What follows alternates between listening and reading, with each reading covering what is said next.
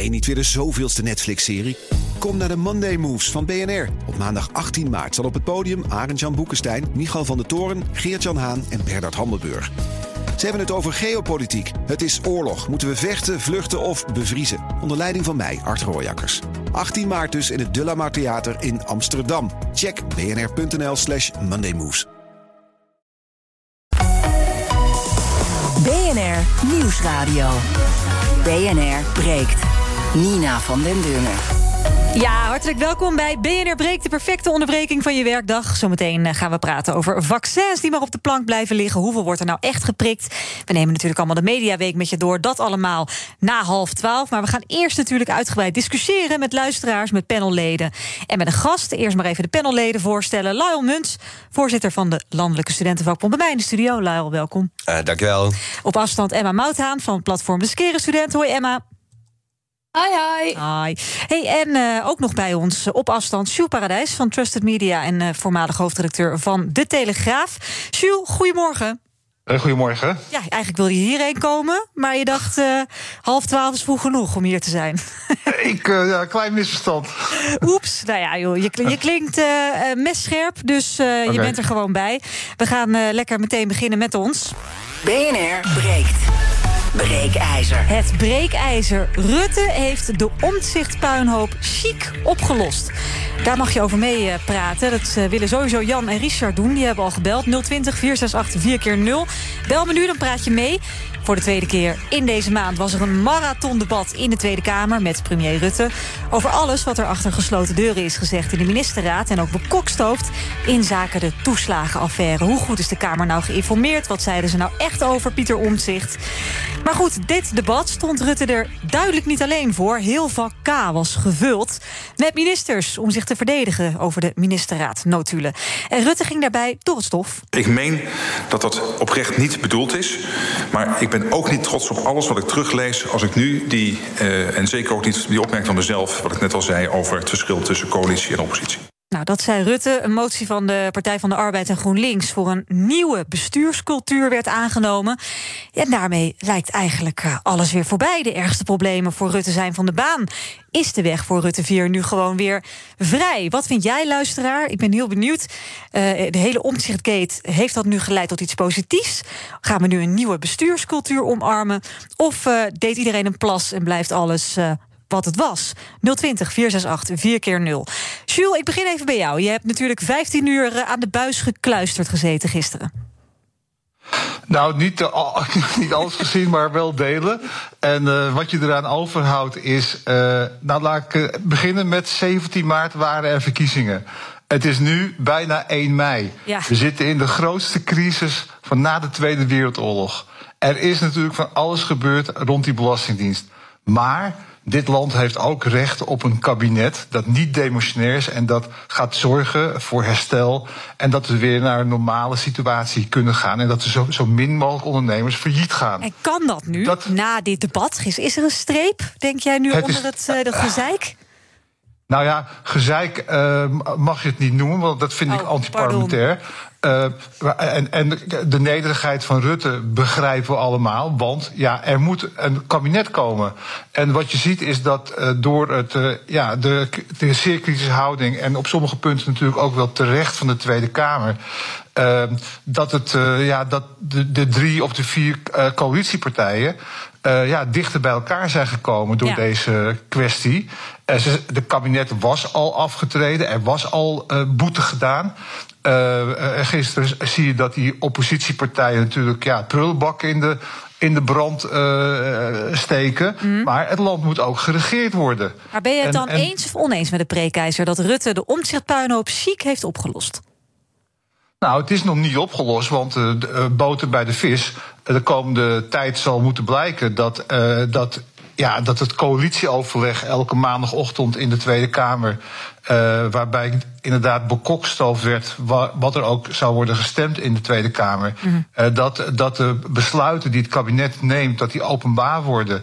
Uh, dat, dat de Kamer meer inzicht gaat krijgen in die besluitvorming. Uh, dat moet allemaal nog worden geregeld. Ja. Maar, maar kijk, het is ooit begonnen met, met toorntjeoverleg. Hè. Dat was toen in de jaren negentig met Kok. Waarom? Omdat, omdat fracties die meedoen, partijen die meedoen aan een coalitie, die willen garantie hebben dat hun eh, punten ook verwezenlijk worden. Ja. Dus het is, het, is, het is tweerichtingsverkeer, maar het is natuurlijk verschrikkelijk doorgeschoten uh, onder Rutte. Uh, ook, ja, dat noemen ze dan in Den Haag wel eens gestold wantrouwen. Uh, en, en dat moet dan worden, ja, er moet richting worden gegeven. En daarom komen ze dan bij elkaar. En is er ook, ja, maar dat heeft Rutte gisteren ook weggenomen, is er ook richting richting coalitiepartijen, in dit geval was het dus het CDA van Omzicht, ja, komt er een, een, een, een lossere band in de toekomst. Tenminste, dat heeft Rutte gisteren beloofd. Voordat wij naar de bellers gaan, ik hoorde er al kuchen, Emma. Oh, sorry. Ja, maakt helemaal niet uit. Je hangt ook gewoon naar de telefoon en je staat gewoon open dat je het maar even weet. Maar ben jij het eens of oneens met het breekijzer? Rutte heeft het chic opgelost. Um, nou ja, goed. Uh, ik moet heel eerlijk zijn. Is dit een beetje sarcastisch bedoeld dat hij het chic heeft opgelost of niet? Het is bloedserieus. Heeft hij het chic opgelost? nou, dan nee, vind ik niet. Nee, heeft hij het wel opgelost in jouw ogen? Nee. Ook niet. Okay, dat dus, ook niet. Nee. Lyle, jij? Nou ja, chic vind ik het sowieso niet. Hè. Wat er de afgelopen week is gebeurd, dat zal het ook niet worden, denk ik. En uh, opgelost, nou, daar hoorden we net ook al van, dat, dat is nog niet duidelijk. Dat gaat de komende weken blijken of het opgelost is. Mm uh, uh, ja, dus nee, ik, ik, denk dat er nog wat werk in de winkel is. Ik denk wel dat we een stap dichterbij zijn gekomen. De debatten hebben ook al laten zien dat het niet alleen maar Rutte is geweest, natuurlijk, die hierbij betrokken is. Dus dat is wel heel erg duidelijk naar voren gekomen. Het nou, was erg druk in vak K. precies, het, het zat bomvol met allerlei ministers. En ja, al die partijen hebben in het kabinet gezeten. Dat wisten we eigenlijk ook al natuurlijk. Alleen nou, de laatste week gingen de debat dan heel erg over wat is de rol van Rutte geweest. Nu zie je dat die andere ministers daar ook een rol hebben gespeeld. En het blijft nog altijd spannend. Ja, wat gaat er binnen zo'n CDA gebeuren als zo'n omzicht terugkomt en ze gaan aan de onderhandelingstafel ja. zitten. Dus dat soort vraagstukken, die hangen wel nog in de lucht. Precies. Nou, we gaan even een rondje bedders doen. Guus, goedemorgen. Heeft Rutte dit chic opgelost? Ja, ik vind van wel. Uh, in die zin, kijk, Rutte heeft tien jaar het land geleid. Dat heeft hij in mijn ogen gewoon goed gedaan. Mm -hmm. En nu is er een probleem. Uh, over die notulen van de ministerraad. Ja, ik vraag mij af, kun je al die notulen van die ministerraad zomaar aan de Tweede Kamer geven? Die Kamerleden hebben natuurlijk ook geheimhouding, maar dat gebeurt gewoon niet. Er lekt altijd wel iets naar de pers. Ja. Dus dat is ook mijn opmerking. Kun je nu alles wat in die ministerraad wordt besproken, zomaar een wijze van spreken op straat gooien? Ik denk het niet. Nee, nee dat denk ik ook niet. Ik ben met je eens. Richard, goedemorgen, zeg het maar. Goedemorgen. Ja, uh, de vorige spreker had het over Leiden. Ja, dan zou ik zeggen Leiden met een korte ei. Alleen ik begrijp niet dat uh, de beste mensen gisteren 15 uur nodig hebben om achteraf helemaal niks te zeggen. Ja, hoe bedoel je? Ja, ik bedoel van, uh, alles is bekend, weet je wel. En ik, dat die Assenkan, ik heb het een beetje gevolgd. Die Assenkan begon gelijk met een motie van wantrouwen. Nou, mm -hmm. je kan van tevoren op, op je klompen aanvoelen. Er is iets in Den Haag dat ze de Rutte niet weg willen sturen. En ik zou wel eens willen weten wat. Want Rutte had natuurlijk, als hij het ziek had opgelost, had gezegd van jongens, ik stop ermee uit respect voor het gestelde ja? mieter. Was dat voor jou een chique oplossing geweest dat hij hem gewoon uh, was geboekt uit Den Haag? Noem eens één ding wat Rutte in die tien jaar goed heeft gedaan op de gezondheidszorg en de toeslagenaffaire, politiemensen, huizentekort, voedselbanken. Noem eens één positief ding wat hij wel goed heeft gedaan. Uh, ja, het is uh, duidelijk, duidelijk, dat jij geen uh, Rutte, Rutteaanse ja. fan bent en dat jij hem liever wegziet. Dankjewel, Richard. Jan, goedemorgen. Ja, goedemorgen. Heeft hij het goed opgelost? De, de, de, de stelling heb je volgens mij verkeerd op gelezen, want volgens mij is het niet chic, maar staat er chic. Chic? Ziek heeft opgelost. Maar het is, de oplossing is er helemaal niet. Het lijkt net een huisarts. Die zegt van, uh, je komt met het probleem eventjes bij de huisarts. En die zegt dan van, uh, nou ja, ik weet dus ook eventjes niet zo. Hmm. Even, even drie weken verder kijken zo. Als u dan nog steeds last heeft, komt u dan maar even terug. Want we moeten blijven terugkomen bij, bij die man. Want ja. hij heeft dan niet gezegd van, ik kan me niet herinneren, ik kan me niet herinneren. Nu heeft hij zijn geheugen weer een beetje goed op, op orde. Maar nu zegt hij van, ja, uh, ik heb de stukken eventjes niet voor me. Ik kan het eventjes niet, uh, niet bekijken zo. Moet je eventjes aan uh, Hoekstra vragen. Of aan Koolmees vragen. Want die kan het antwoord geven. Omdat hij die, die confrontatie niet aandurft. En hij doet hij, weet niet meer wat hij gelogen heeft, dus hij kan dat niet meer, niet meer, niet meer doen. Dus het enige goede oplossing wat er moet zijn, dat is een nieuwe verkiezingen. Want de mensen die in Nederland hebben gekozen op een kabinet wat er zat, zonder dat ze van deze problemen wisten. Ja. En op het moment dat je nu weet van deze problemen, dan moet je een andere stem kunnen nemen. En anders, als er nu weer een regering komt en hij wordt minister-president, wat ik denk wat er helemaal niet gaat gebeuren, maar Kagen is, eh, is ook slecht. Maar dan heb je gewoon dat mensen hem helemaal niet vertrouwen. Want dan denken ze, kijk, Helder. ja, we hadden eigenlijk het niet moeten doen. Ja. Dus we moeten zorgen dat we nieuwe verkiezingen krijgen. En waar de mensen nu weten van dit, want dit is waar de... Helder, dankjewel Jan. Jij zegt het is niet chic opgelost, maar eh, shit. Jules, wat eh, vind jij daarvan? Nou, kijk, ik, ik, ik, ik kan heel goed de kritiek eh, begrijpen, hè, de frustratie ook. Maar de, de, de voorgaande spreker, of het was die de, de meneer daarvoor, eh, die zegt: eh, ja, tien jaar Rutte is eh, slecht geweest, heel slecht geweest voor Nederland. Je moet niet vergeten, eh, Nederland kwam eh, ook uit een enorme crisis, hè, dus dat moest, dat moest worden opgelost. Maar het, het is ook bovendien heel slecht om nu verkiezingen te gaan organiseren.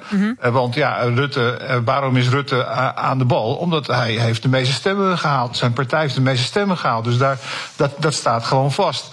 Eh, maar ik, ik ben, ik- er moet een nieuw kabinet komen eh, om, om zeg maar, de problemen op te lossen. En de Kamer eh, heeft deze tij- tijd gebruikt om ja, de positie te versterken. Nou, dat is denk ik dan goed gelukt. Eh, maar tegelijkertijd eh, is, is, zijn de coalitiepartijen, zelfs de ChristenUnie is misschien wat bijgedraaid, zijn ze er klaar voor om met elkaar de inhoud in te duiken. En er staat eh, bovendien Jesse Klaver van GroenLinks. Nou, die stond gisteren te trappelen om ook aan te schuiven. Nou, Die en dan- deden allemaal handreikingen? En, en Ploemen ook. Ja, ja, nou, Ploemen deed het trouwens, denk ik, uitstekend samen met Lilian Marijnissen. Eh, eigenlijk gewoon precies wat je van een oppositie eh, verwacht. Maar het is nu echt tijd, hè, want het, het, het, de tijd dringt. Het is nu tijd om aan tafel te zitten. Uh, Cenk Willing komt vandaag, begreep ik, met zijn verslag. Dus volgende week eh, moeten ze aan tafel om gewoon een nieuw kabinet te smeden. Eh, da- daar, daar heeft dit land gewoon, dat heeft dit land op dit moment nodig. Lyle, hoe denk jij daarover? Nou ja, ik denk zeker dat het eh, land een kabinet eh, nodig heeft. Ja, de jongeren die hebben natuurlijk ook allerlei thema's eh, die ontzettend belangrijk zijn en die we eigenlijk hopen zo snel mogelijk geregeld te zien. We zijn ook heel benieuwd. Ja, wat ik denk, we kunnen ook dingen overhouden aan deze hele miserie, hè, zoals dat in Vlaanderen zo mooi zouden zeggen. Ja. Eh, je hebt het over die open bestuurscultuur gehad. Nou, Rutte gaat allemaal plannen lanceren. Cenk Willem komt met een rapport. En misschien is het wel zo dat we aan de vooravond staan van een, een nieuwe politieke cultuur in ons land. Dus als dat het geval is, dan maar denk, denk ik dat je het dat ook nou echt, Lyle? Ik geloof er niks van. Ik geloof er echt helemaal niets van. Nee, maar dat, is, dat is echt voor de, echt voor de bühne. Eh, Er gaat niks eh, veranderen, denk jij, Jules? Nee, natuurlijk niet. Want als jij stapt in een coalitie als GroenLinks, dan wil je garanties dat eh, klimaatvoorstellen, eh, dat die worden, het klimaatbesluit of eh, zeg maar klimaatplan, dat die worden eh, uitgevoerd. Tegelijkertijd als Rutte, de VVD en het CDA een terugval, terugvaloptie hebben voor jaar 21, ook in de Senaat, ja, dan wil je dat gewoon op papier hebben staan. En, het, en natuurlijk, er, er wordt niet meer elke week overleg straks in de Tweede Kamer, maar dan gaan ze elkaar bellen. Of ze gaan op een, ze gaan op een terras zitten. Maar de structuren om iets gedaan te krijgen, ook om stabiliteit te krijgen. Want we willen niet elke week zo'n debat als gisteren. Nee. Van, vij- van, van, Duurt veel te lang. Het, het is pijnlijk. Het is pijnlijk voor individuele Kamerleden. Waarvan er gisteren toch ook weer een paar hele goede eh, mensen. Kijk naar Sylvana Simons, deed het uitstekend. Maar het is, het, het is pijnlijk voor, voor al die idealisten hè, in de Tweede Kamer. Maar de politiek is hard. En als je wil besturen, dan moet je nou eenmaal ook in de achterkamertjes. Eh, afspraken maken. Hoe vervelend en hoe, hoe, hoe, Nou, hoe het ook Jules, ik moet je toch ook even onderbreken, omdat jij net hetzelfde deed. Maar ik denk dat we twee dingen uit elkaar moeten halen. Kijk, in een regeerakkoord staan eh, akkoorden tussen die partijen. Nou, dat gaan ze natuurlijk ook uitvoeren. Daar zullen ze elkaar ook op aanspreken. Maar ja, dit zijn ook kwesties zoals een toeslagenaffaire. Ja, daar hebben ze niet in het regeerakkoord besproken hoe ze daarmee omgaan. En daar was ook een cultuur van om alles onderling te overleggen. Ook al zijn daar geen harde afspraken over gemaakt. Dus daar zou ruimte kunnen ontstaan. Je kunt ook zeggen, we doen er helemaal niks mee. Hè. We gaan nu voor de bühne een heel groot verhaal opsteken. Dan negeren we het. Maar ja, dan ga je natuurlijk over een jaar wel weer een probleem krijgen. als weer allerlei schandalen uitbreken. en eigenlijk blijkt dat van die mooie woorden van een politieke verandering helemaal niks is overgebleven. Dus als de discussie zo hoog oploopt nu. en dan vervolgens dat voor heel compleet negeren. dat levert later ook weer problemen op. Nou ja, waar ik me meer zorgen over maak, is natuurlijk de metaalmoeheid van de, van de hoofdpersonen. Hè. Kijk, Rutte is natuurlijk toch de afgelopen anderhalve maand uh, ja, zwaar beschadigd hieruit gekomen. En dat geldt ook voor Hoekstra, dat geldt ook voor Kaag. Ze zullen elkaar dus nu wel weer vinden. Maar de politieke partijen zullen toch, denk ik, ook als ze kijken naar de toekomst, zullen ze op zoek moeten gaan naar nieuwe mensen. Want het is Kijk, Rutte. Het ontbreekt aan, de, ja, aan een duidelijke U heeft net de reacties gehoord. Uh, mensen zijn misschien ook wel een beetje gewoon zat. Zeker als je niet op de VVD heeft gestemd. Laten we nog eens wat uh, bellers erbij halen. Uh, Dantel, als ik het goed uitspreek. Ben je Mark Rutte zat? Dantel? Slechte lijn. Die gaan we even weghalen. Wie weet dat hij zo meteen weer terugkomt. Even naar, even kijken. Nou, Robert, goedemorgen. Ja, goedemorgen. Ja. Uh, ik ben iemand meer dan zat. Ik bedoel, in wat voor land leven we? Uh, democratisch is het al zo niet meer, want uh, ik heb zoiets van, er wordt gestemd op een bepaalde partijen, dan heb je 1, 2 en 3. En dan voordat dat gebeurt, en dat is de tweede keer al, en ik stem niet met die en ik ga niet met die. Ik bedoel, waarvoor stemmen de mensen dan? Iedereen ja. heeft zijn keus, tuurlijk, dat moet je respecteren. Maar ik vind die man, het is, het is net Alibaba en de 40 rovers. Het is één groot groepje die gewoon niet te vertrouwen zijn. En het, wat ik u ga zeggen, ik vertrouw al die mensen nog niet bij mijn oma en die is al denk 40 jaar dood. Ik bedoel, die man die is ongeloofwaardig. Die moet gewoon zijn spullen pakken en de pleiterik maken. That's it, dat is het verstandigste. Dankjewel. Gaan we even naar Bart. Bart, uh, anti-Rutte of pro-Rutte? Is nu een beetje de discussie geworden. nee, ik, uh, ik uh, verbaas me hoe die mensen die allemaal zo stonden te schreeuwen, die er dan tegen waren, of dat al ziek is. En dan verbaast verbaas me helemaal iemand die hier in het land gekomen is, die ook nog een zetel of twee zetels heeft, en die dan durft te roepen: hier, deze minister moet weg. Ik denk als het uh, waar die van afkomstig is in dat land zou doen, had hij wel in de gevangenis gezeten. En we wie heb je het nou? Al, uh, een meneer die heb ik horen zeggen, die uit een ander land komt, die hier in de Kamer zit, dat hij uh, de minister waar moet aftreden. Maar als er kan, heb je het dan over? Nou ja, laten we die dan maar noemen, ja. Dat zal hem zijn, ja. Oké. Okay. Ja, dat klopt. Ja, ja, en dat je zegt dat kan niet. Dat, uh, dat, dat kan je helemaal niet maken. Nee, natuurlijk niet. Die man heeft toch ook zijn best gedaan. Hij heeft goede dingen gedaan, hij heeft foute dingen gedaan. Maar als je niks doet, kan je ook niks verkeerd doen. Dat is waar. Dankjewel, Rogier. Goedemorgen.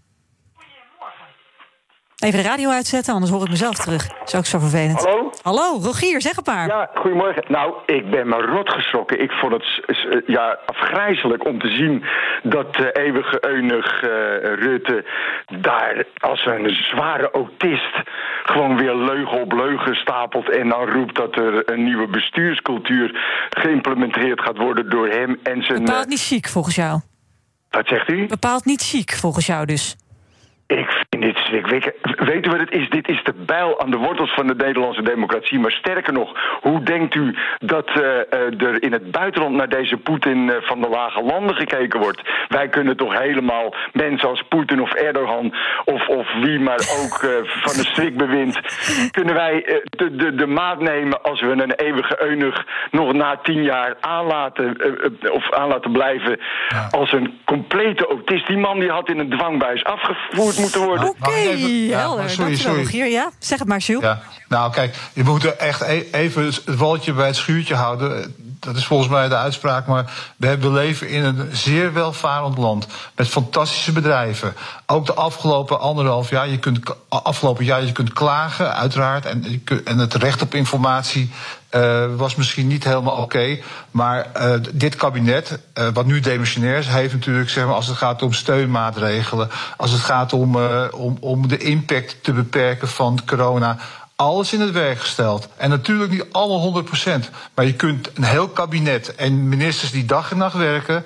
Uh, en, en, die misschien in een andere. die ook proberen, zeg maar, resultaten te bereiken. Mm -hmm. en, daardoor, en daardoor misschien wat blind worden als het gaat om communicatie en die open bestuurscultuur. Die kun je niet op deze manier afserveren. Dat, dat, doet, ze, dat doet ze geen recht. We praten nog altijd met Sjoe Paradijs van Trusted Media, voormalig hoofdredacteur van de Telegraaf. Lionel Muns, voorzitter van de Landelijke Studentenvakbond. En Emma Moutaan. We hebben je al een tijdje niet gehoord. Maar ja, het is zo druk, Emma. Je komt straks nog uitgebreid aan bod, dus no worries. Ik wil het nog heel even vanuit het perspectief van Pieter Omtzigt bekijken. Um, die zit nog steeds ziek, uh, ziek thuis.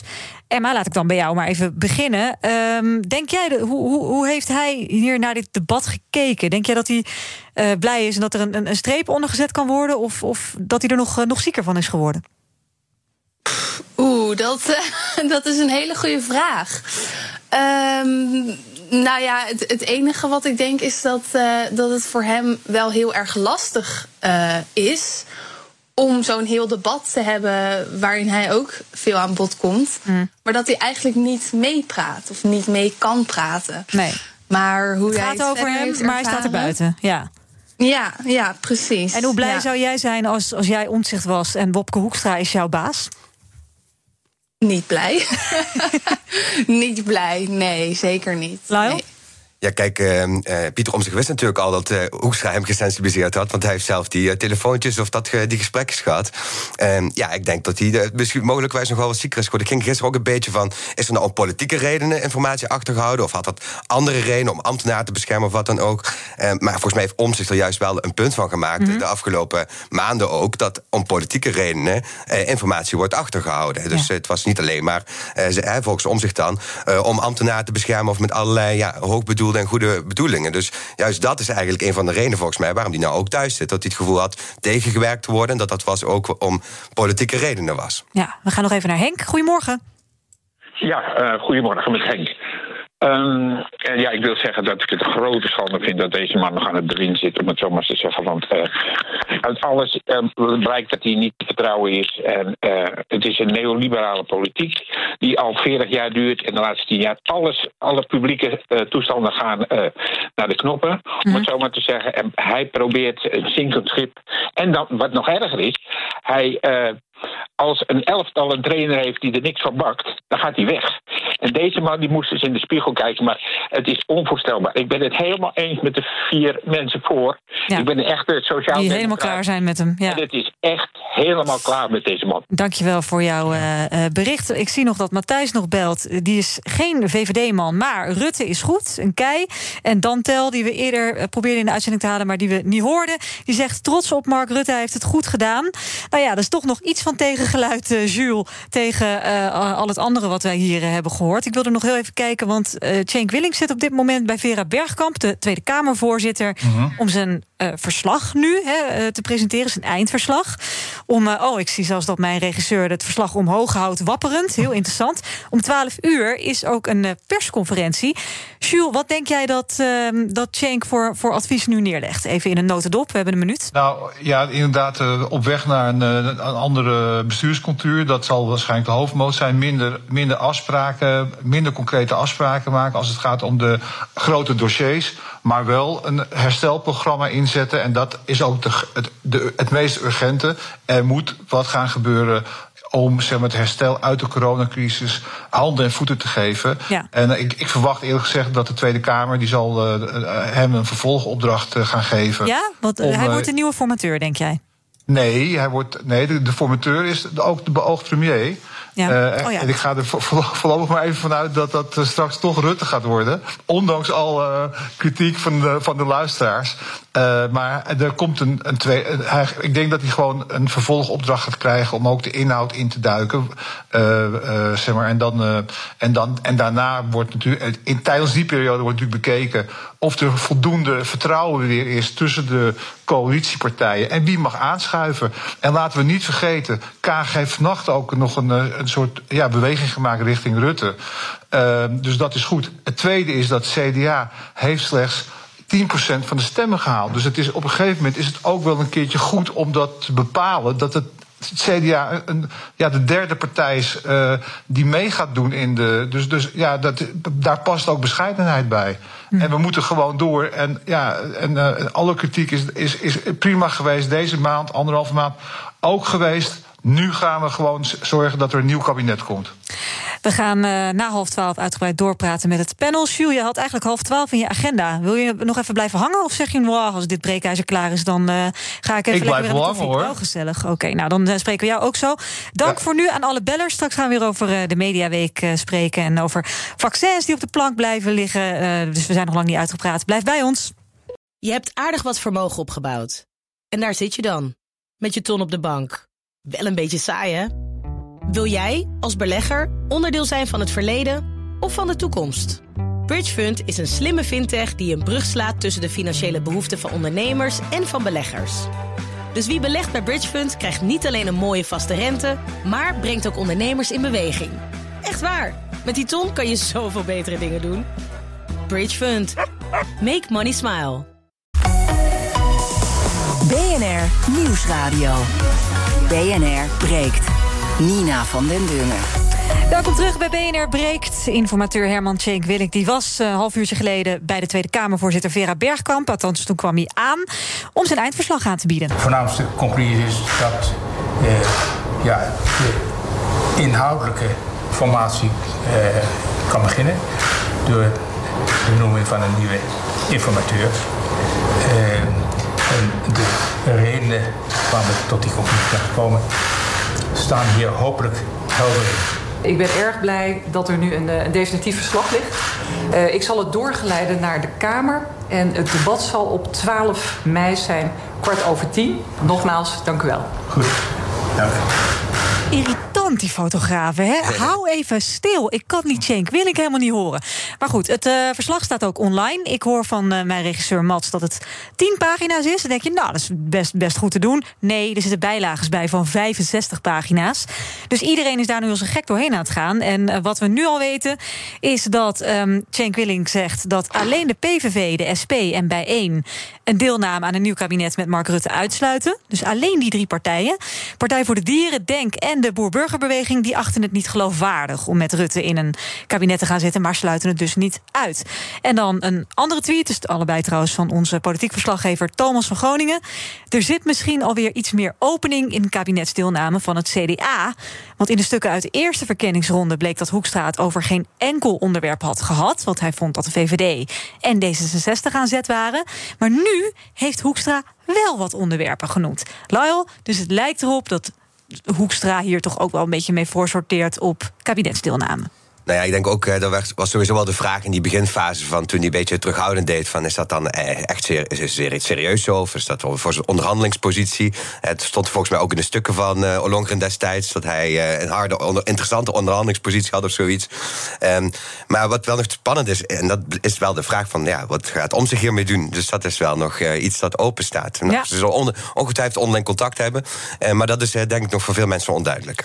Lyle Muns hoor je nu, voorzitter van een landelijke studentenvakbond op afstand. Emma Mouthaan van platform De Skere Student. En Jules Paradijs, voormalig hoofdredacteur van De Telegraaf. En nu van Trusted Media.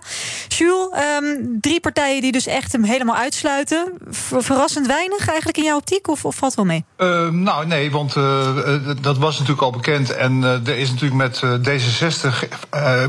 bleek vannacht eigenlijk door de, in, de, in de Tweede Kamer... dat de opmerking onze wegen heb, hebben zich gescheiden... of ja, iets, met, van die, kaag, ja. iets van die woorden daar, dat nuanceerde Kaag uh, vannacht door te zeggen dat dat, een, ja, een, dat dat geen politieke opmerking was, maar een, een, een gewoon een, een menselijke interpretatie van het gebeuren. Ja. Dus, uh, ja, dus van nee, D66 alles... had ik het ook wel verwacht. Het was meer van GroenLinks en Partij van de Arbeid... die in het vorige debat heel hard Ja. erin gingen... en de motie van afkeuring steunden... en het daarmee eigenlijk zichzelf ongeloofwaardig maken... om nog met Rutte in een kabinet te gaan zitten.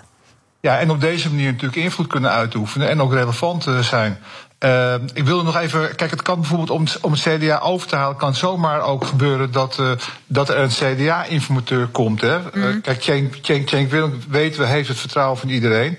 Maar bijvoorbeeld Wim van der Donk, dat is de oud-commissaris in, uh, in, in Brabant. en nu zeg maar de topman van de Universiteit van Tilburg, de katholieke universiteit, zou bijvoorbeeld iemand kunnen zijn die uh, door iedereen ook goed geaccepteerd wordt, van een nieuwe generatie ook is. Mm -hmm. uh, die, uh, die, en, en ook daardoor het CDA kan, kan binden aan een, nieuw, aan, aan een nieuwe coalitie. Dat kan zomaar de man zijn die op het podium gaat komen. Ja. Maar laat ik zo zeggen, Cenk Willink heeft zijn werk natuurlijk goed gedaan.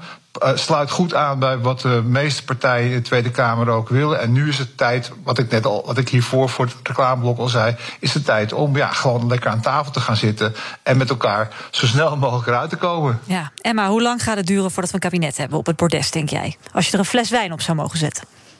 Um, een maand. Een maand. Nou, ik hoop dat het niet dat, zo lang duurt. Nou, dat, maar, is, dat is best positief. Lyle? Nou, een maand zou uh, ontzettend mooi zijn. Maar ik, Maar zou jij? toch, uh, nou, la- laten we even zeggen, twee maanden. Twee, maanden, Drie maanden, drie maanden. Drie maanden, oké. ja. Jules?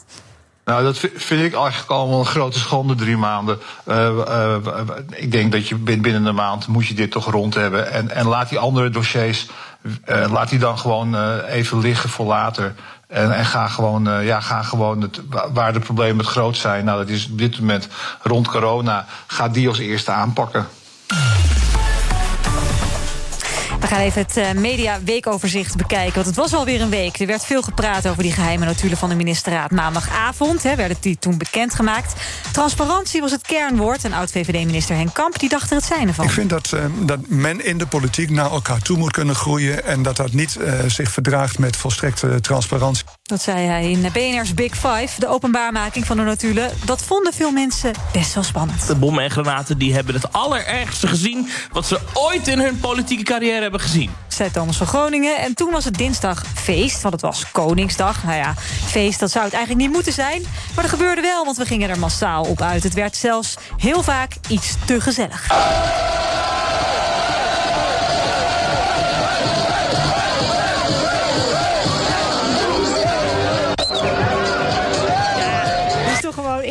Voetbalstadion. En daarna Ja. dacht ik, eh, wat, wat is dit? Maar dit was gewoon afgelopen dinsdag. In het Vondelpark in Amsterdam trouwens.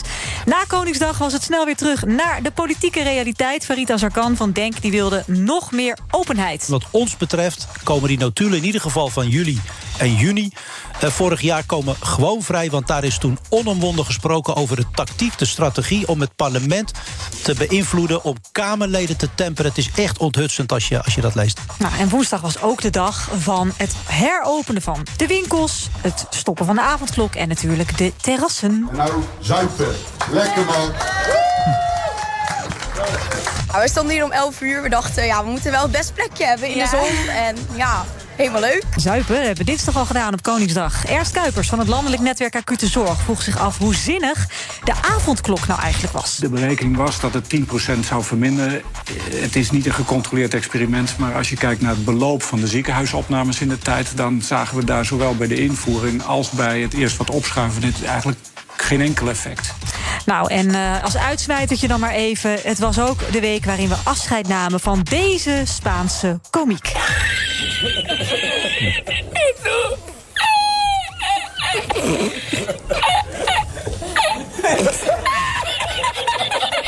Iedereen die op het internet woont, eh, die kent de meme van deze man. Zoek hem maar eens op, Spaanse komiek. Of je moet echt zijn naam gaan googlen. Juan Borga, op 65-jarige leeftijd overleden... vertelde zijn verhaal in een talkshow... maar moest zo hard lachen om zijn eigen verhaal... dat hij een meme werd die al jarenlang viral gaat op het internet.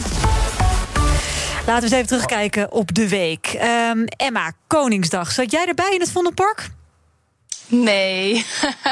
nee, ik Heb heb, wel een beetje genoten van het eh, mooie weer. Maar sowieso woon ik in Wageningen. Dus ja, om dan, het eh, Vondelpark gaan, slaat nergens op natuurlijk. Ja, nee. Maar was je, was je wel echt eh, met, met heel veel mensen ergens in een park? Of heb je het netjes aan de regels Nee, gehouden? nee, nee. Ik, ik heb gewoon met wat vriendinnen buiten gezeten. En verder heb ik gewoon gewerkt die dag. Ja, maar wel eens even eh, buiten geweest ja. en terecht hoor. Lyle, stond jij te feesten?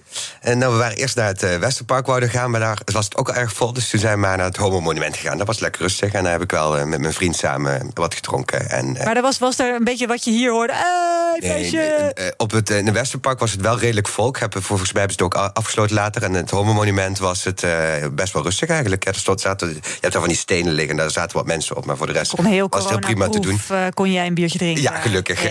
Jules, ben jij eh, uit je bol gegaan? Nou, dat doe ik meestal niet.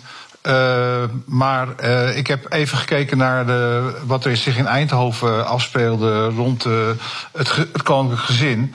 En ik vroeg me eigenlijk, ik vraag me eigenlijk wel af of je die 1,7 miljoen die besteed is aan dat bezoekje, eigenlijk een vorm van ja, een soort city marketing, of je daar nog wel mee door moet gaan. Eh, ik vond het eigenlijk gewoon flauwekul. ehm, eh, om om eh, zeg maar een soort toneelstuk daar te laten opvoeren. Kijk, organiseer een défilé voortaan. Maar ga nou niet zeg maar overal, of het nou Amersfoort is of Maastricht. Ga nou niet elk jaar voor heel veel geld de koning en zijn gezin slepen langs een aantal. Ja, ehm, att- attracties of eh, borstklopperij. eh, Maar nou heb ik een ideetje door jou. Wat als we dat de koning nou gewoon zelf laten betalen? Nou, dat. is een verjaardagsfeestje. dat is meestal, meestal trakteer je zelf. Kijk, ik ben niet anti-oranje, maar. Dus daarom is het misschien ook juist. eh, heeft het misschien juist wat meer impact. eh, door dit te zeggen. Omdat ik. Ik vind het eerlijk gezegd. eh, ja, een vorm van promotie. Zelfpromotie van steden en van bedrijven. Kijk eens hoe goed we zijn. Ja. En, we, en we kijken ernaar. En we hebben daar toch allemaal krijgen veel jeuk als we daar de, de, de koning en zijn gezin aan een tafel zien zitten bij een soort fake quiz. eh, en Ja, er zijn mensen die er van de daar- stoel van glijden als ze dat zien. Maar Ja, ja, nee, ik maar- maar uit jouw luister. kamp. Ja. Het kan echt best veel leuker en maak er een feestje van. En, en laten we dat voortaan gaan doen. En niet van die, eh, van die, van die sessies met. die eh, moedjes. Lyle, denk je nee, ook zo over? stoppen. Ja, ik ben eigenlijk eh, eerder wat eh, meer republikeins dan andersom. Maar, eh, Dus jij zegt ook, weg daarmee. Weg Nee, maar ik vond het wel leuk om eh, ja, een feestdag te hebben. Dus misschien moeten we dan de dag van de president hebben of zo. hè. Oh jee, Nee, oh, nee, nee, heb nee, je al nee, die nee. boze bellers van net. Die gaan nu helemaal Die over de. Emma, wat, eh, wat, wat vind jij? Kunnen we de koning laten betalen voor zijn eigen verjaardagsfeest in Eindhoven? Ja, ik vind dat eigenlijk wel een goed plan. Ja, ik bedoel, het is zijn eigen verjaardag. En, eh, En ons belastinggeld. Laat hem maar Maar ja. zelf. eh, precies. Het, het enige wat ik me dan afvraag is: ja, als dan zijn toelage omhoog gaat. of als hij dan daar weer extra budget voor krijgt. dan is er eigenlijk ja, niks eh, veranderd onderaan de streep. Nee, maar de essentie van wat. BNR breekt. Sorry hoor, Jules, je mag zo weer. Maar ik moet heel even naar mijn eh, collega Thomas van Zel. Want die mag om 12 uur hier eh, het stokje overnemen. En wat ga je doen, Thomas? Nou, het stokje wordt in de eerste plaats denk ik overgenomen door Herman Cenk Willink, want die komt met zijn verslag. Dat is waar. Dus Ja. eh ruim baan ook voor uit, hem. Ja. Die zenden wij uiteraard live uit. Dus kijken of dat de formatie echt een stapje verder is. Daarna Mark de Rijken van de Hypotheekshop over mensen die. Als ze geluk hebben, misschien wel heel veel geluk hebben, nog een eh, nieuw huis kunnen kopen. En die dan mogelijkerwijs wel langskomen bij de hypotheekshop. En sluiten dan een aflossingsvrije hypotheek af. Ja of nee? Schijnt weer een beetje in de lift te zitten. Terwijl eh, vanuit allerlei politieke partijen, de Nederlandse Bank, de AFM is gewaarschuwd voor het risico. Is er dan een groot risico? Dat bespreek ik. Het ondernemerspanel is er, de pitches zijn er. Eh, dus ik denk twee uur lang vermaak. Ja, precies. En de Cenk als eerste. Dankjewel, tot zometeen. BNR breekt. Eh Jules, wat wil jij nog zeggen? Nou, als het hebt over het nieuws van vandaag, hè, dan wil ik toch even stilstaan bij het overlijden van Hans van Balen. Ja, dat is ik denk dat hij ook vaak, eh, vaak bij jullie te gast is geweest. Zeker. En, eh, ik, ja, ik weet dat heel veel mensen kennen hem vrij goed, omdat ik ongeveer van dezelfde leeftijd ben. Hij is 60, toch? En ja, hij is 60 geworden. En de familie heeft uh, Ineke zijn vrouw en hij heeft een zoon. Uh, maar vandaag is bekend geworden dat hij dus is overleden. Dus echt een, een prominent uh, VVD-parlementariër. Uh, echt een parlementariër in hart en nieren. Oud-medewerker van Bolkestein. Hij was ook, heeft de verkiezingscampagne van Bolkestein ook gedaan. Hij heeft natuurlijk bijna tien jaar in het, in het Europees parlement gezeten. ja, de, de, ik denk voor veel liberalen. Uh, een man waar, waarvan ze, ja, die, die, die, die 100% liberaal uh, en VVD'er was. Ik denk dat uh, heel veel mensen vandaag toch even ja, hierbij stilstaan. Ja. Natuurlijk, uiteraard veel te jong. Ehm, maar ja, heel lang bijgedragen aan, aan politiek en democratie. Ja. Ook Europees actief. dus dat is echt een groot verlies. Ja, mooi. Fijn dat je hier even bij stil wil staan. En ook uh, vanuit BNR uh, alle sterkte voor zijn uh, vrienden, familie, nabestaanden. Lyle, als we dan even dat rondje eigen nieuws toch bezig zijn...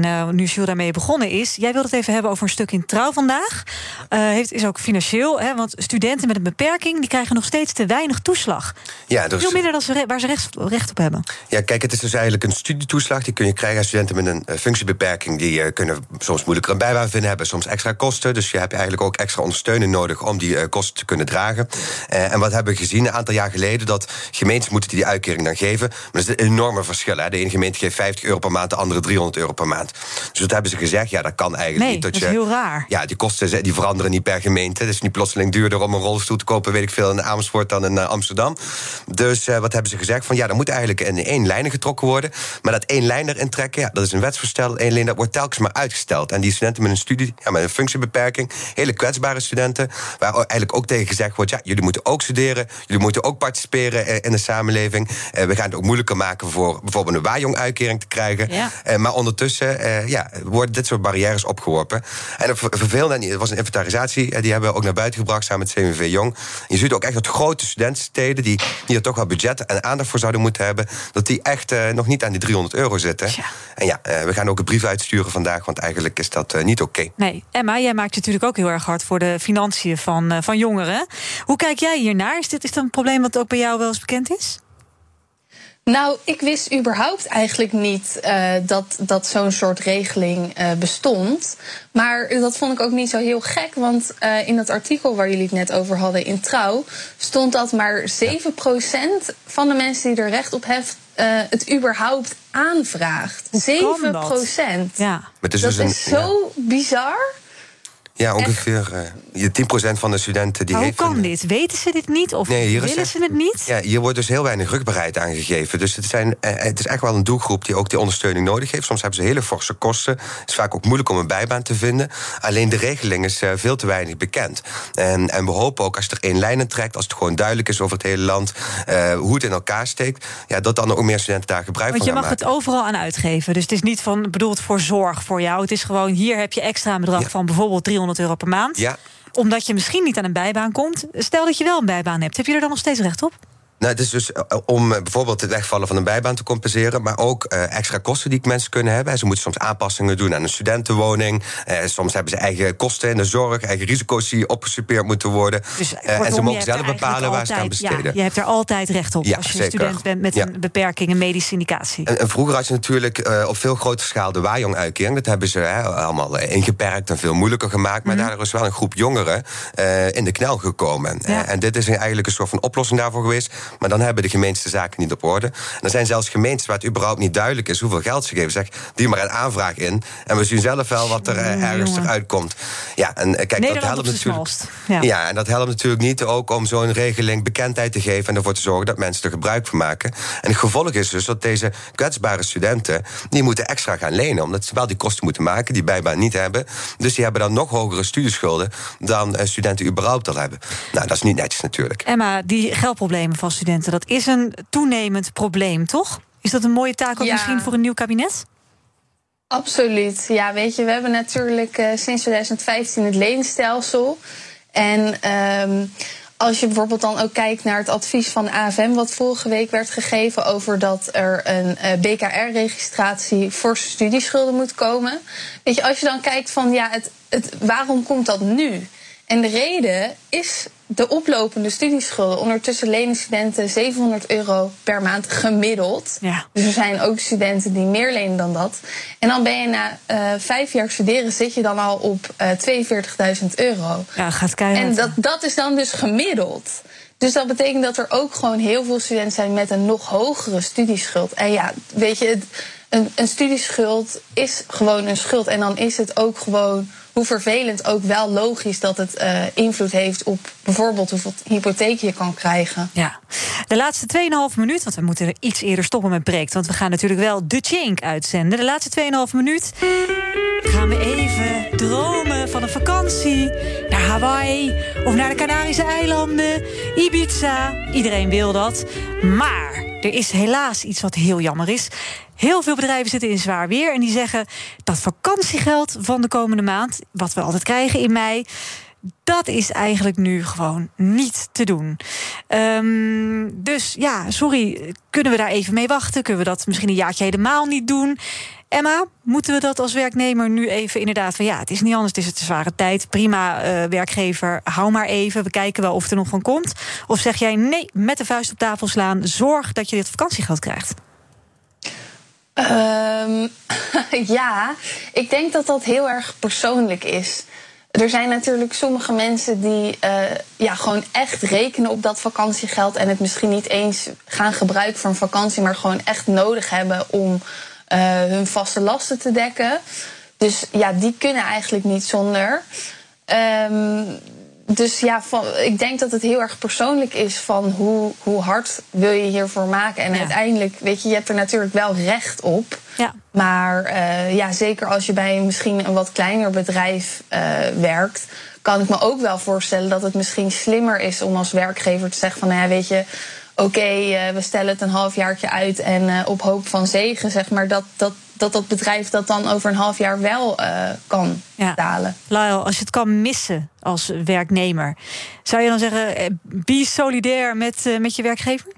Nou, stel je werkt eigenlijk een heel klein familiebedrijf dat op omvallen staat en eh, het vakantiegeld zou het verschil maken. Kan me moeilijk voorstellen. Dan, wie weet dat je samen daarover goed kunt praten. Maar het is natuurlijk niet echt aan de werkgevers om te bepalen of iets waar je recht op hebt, of je dat ook gaat krijgen. Dat, eh, hè, want volgens mij, dit soort zaken worden toch ook gewoon vastgelegd in eh, contracten of in eh, cao's. eh, Dat je recht hebt op eh, vakantiegeld. Dus ja, het- met een goed gesprek kun je misschien een hoop goed maken. Maar ik vind niet zomaar dat het aan de kant van de werkgevers is om te zeggen van nou weet je wat, we gaan op van alles en nog wat eh, korten. Dat, dat moet je in gesprek met elkaar doen. Jules, de laatste 20 seconden zijn voor jou. Wat vind jij van- hiervan? Ik vind vakantiegeld sowieso uit de tijd. Eh, ik denk dat je anders moet gaan belonen. En één keer per jaar vakantiegeld uitkeren eh, is, is iets uit het verleden. Je kan beter op een andere manier belonen. En eh, in dit geval kan ik ook me voorstellen dat werknemers die een baan hebben kunnen behouden de afgelopen jaar. dat die wat coulanter zijn en toeschietelijker naar hun werkgever. Want zij hebben het heel zwaar. En, en hebben veel meer risico. Ook weer een mooi creatief nieuw inzicht eh, van Jules Paradijs. Waarvoor veel dank dat je langer bij ons wilde blijven hangen. Voormalig hoofdredacteur van de Telegraaf en van Trusted Media op dit moment. Emma Moutaan, oprichter van het platform Skeren Student. En Lyle Muns, voorzitter van de Landelijke Studentenvakbond. Blijf bij ons, want om 12 uur gaan we hier live de persconferentie uitzenden. Bij Thomas van Zel en BNR Zaken doen van Herman Tjenk Willink. Tot later. Je hebt aardig wat vermogen opgebouwd. En daar zit je dan, met je ton op de bank. Wel een beetje saai, hè? Wil jij, als belegger, onderdeel zijn van het verleden of van de toekomst? Bridgefund is een slimme fintech die een brug slaat tussen de financiële behoeften van ondernemers en van beleggers. Dus wie belegt bij Bridgefund krijgt niet alleen een mooie vaste rente, maar brengt ook ondernemers in beweging. Echt waar, met die ton kan je zoveel betere dingen doen. Bridgefund. Make money smile.